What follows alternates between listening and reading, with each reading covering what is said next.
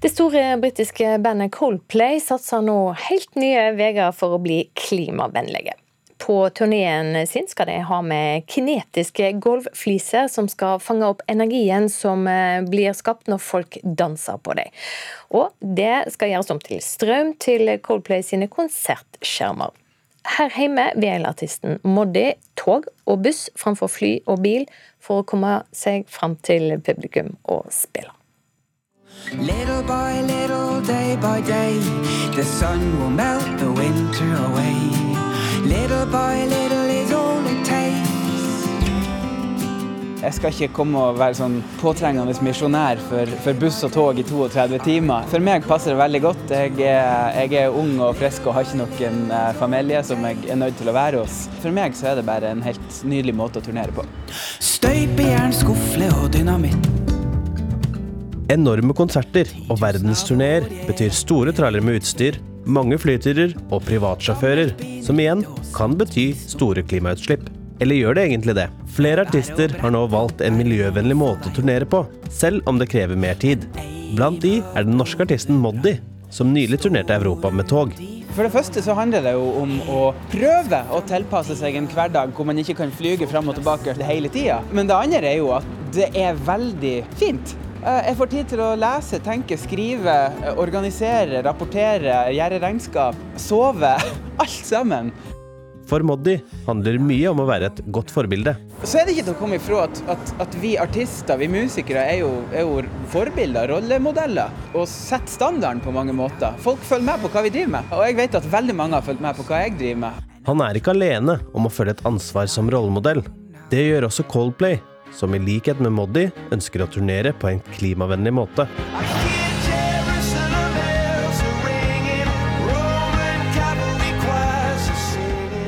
Of course, we take that responsibility seriously, but I think the role models are invariably coming from the younger generations. I think the clearest voices are coming from young people, and that's really heartening because we fully agree with them.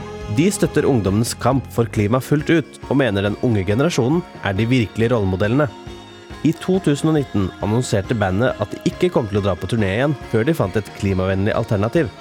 Nå skal de ha funnet en løsning, men kan ikke garantere turné av den grunn. We really hope the tour is going to happen. You know, we're only going to play shows when we feel that they're much more environmentally friendly.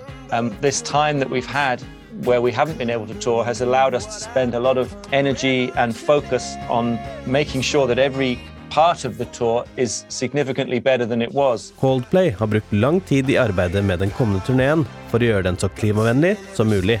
For å få til det skal bandet bl.a. ha med seg et stort bærbart batteri som skal forsyne showene med strøm, i tillegg til solcellepaneler og kinetiske gulvfliser som skal samle opp energien fra dansende fans og gjøre det om til strøm. Flooring at every point of this tour. We are making sure that it's uh, something that is an improvement. Nå håper de flere i musikkbransjen vil tenke på klima når de drar på turné.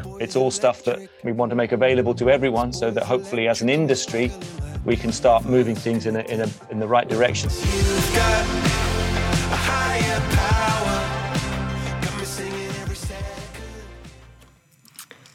Og det var Jonathan Gotthaug Nilsen som hadde laga denne reportasjen.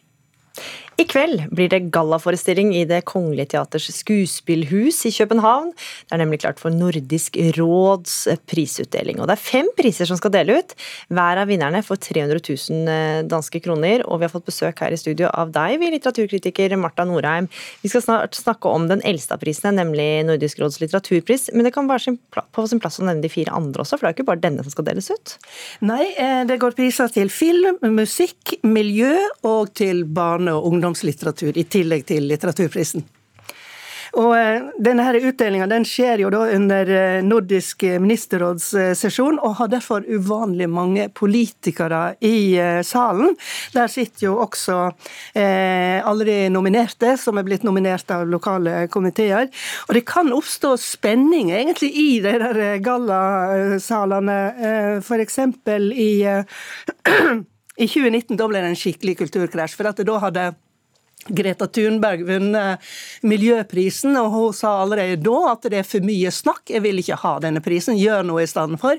Og så kom Jonas Eika, som hadde vunnet litteraturprisen, og han brukte takketalen til å filleriste dansk eh, asylpolitikk med statsminister Mette Fredriksen i pentøyet på første rad. Hun applauderte ikke. Men dette her er jo da, blir jo omtalt som litt sånn skandaler. Kan vi oppleve det også i år? En kan jo aldri vite. Det er jo mer en unntak enn en regel med skandaler. Men, men, det var veldig forfriskende, og det kom ut ifra et ekte engasjement både ifra Greta Thunberg og Jonas Eika. Det var ikke en, det var ikke en jippo de holdt på med der. Og så til Nordisk råds litteraturpris, da, som er delt ut siden 1962. 14 nominerte i år, og to av de er norske. Har vi en sjanse? Har vi en sjanse? Sist vi fikk pris var i 2015. Da var det Jon Fosse som fikk pris for Andvake-trilogien, så det er jo noen år siden sist. Eh, vi har sendt av gårde bøker av to erfarne forfattere. Lars Amund Våge med romanen 'Det uferdige huset', og Vigdis Hjort er nominert med 'Er mor død', som også er en roman. og Hjort hun skildrer ei datter som prøver å nå fram til mor si etter mange år uten kontakt, mens Lars Amund Våge skriver om en ung bondesønn som vil forlate gården og bli forfatter tidlig på 1900-tallet. Det er jo svært ulike bøker, men de går inn i en av hovedtematikkene i år blant disse 14 eh, bøkene, nemlig familie, å følge en familie gjennom flere generasjoner. Mens andre tema i år er penger, og særlig da mangel på penger blant de mest utsatte som arbeidsledige og ulovlige innvandrere. Og så er det klima og miljø. Det er på en måte kommet for å bli innenfor det nordiske kremsjiktet av eh, bøker, som en må tenke at de nominerte til Nordisk råds litteraturpris eh, befinner seg i. Så det fins altså sjanse for de norske, men hvem tror du kommer til å vinne? Altså, Jeg tror at prisen i år skal gå til Grønland.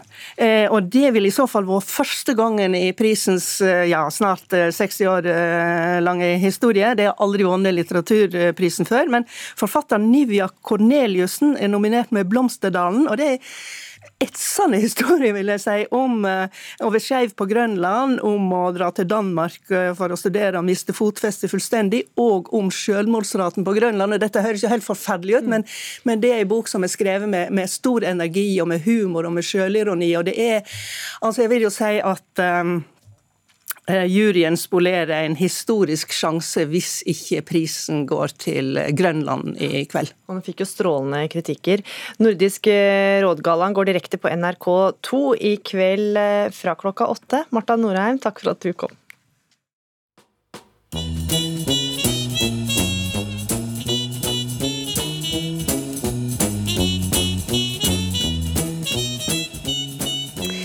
Dette er eh, kjente toner.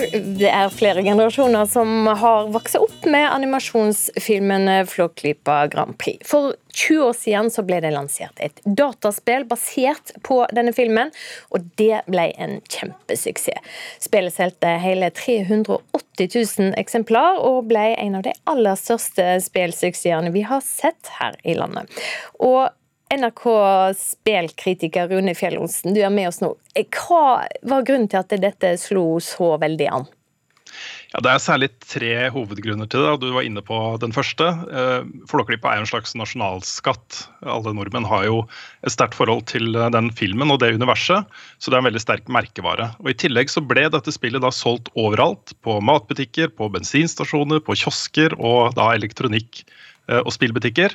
Og for det tredje, og kanskje viktigst, så ble det spillet her en slags bro mellom eh, generasjoner. Barn spilte dette med foreldrene sine, eh, med venner eh, osv. Så, videre. så det var rett og slett ganske vakkert.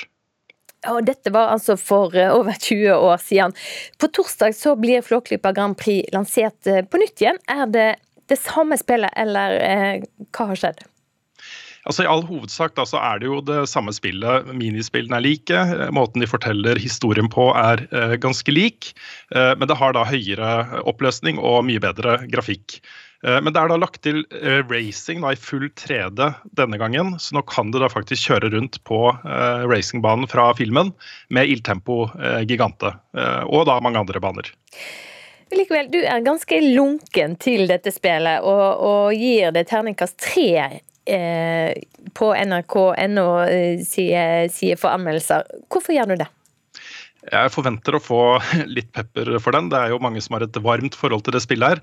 Eh, men jeg syns det er vanskelig å gå noe særlig høyere enn en treer hvis du setter det spillet her opp mot den fantastiske floraen av veldig veldig gode familiespill som, som da faktisk eksisterer. Um, Flåklypa Grand Prix har en del sånne vellaga og, og smarte minispill som er veldig vanedannende. Men kvaliteten er jo da et godt stykke unna det du finner i f.eks. Mario Party Superstars, som ble lansert på, på fredag. Eh, og WarioWare, et annet Nintendo-spill. Eh, og så syns jeg historien um, fra filmen, som spillet jo er basert på, blir litt for oppstykka og uh, tilfeldig raska sammen, uh, på en måte. Og så er ikke racing-delen heller sånn tipp topp. Um, men det har masse sjarm, dette her, og det er fortsatt kos. Så, så det har jo noe fremdeles. Det kan kanskje høres ut som du mener det ikke var naudsynt å lage en ny versjon? Altså, jeg var jo kanskje ikke de som ble bitt av flåklypa-basillen for 21 år siden. Um, jeg syns faktisk det bare var helt OK den gangen også. Men det er jo mange nordmenn som elska den opplevelsen her. Og i dag er dette spillet her en felles kulturell markør for flere generasjoner. Uh, og mange opplever dette spillet som en viktig del av barndommen sin. Så jeg tenker jo da at nyutgivelsen har like mye livets rett som andre relanseringer. Nostalgi er en viktig bærebjelke i kulturuttrykk. Eh, og I tillegg kan dette være et flott første møte da, med dataspill for de aller yngste. Takk skal du ha, spillkritiker her i NRK Rune Fjell Olsen. og Det går an å lese hele anmeldelsen til Rune på nrk.no anmeldelser.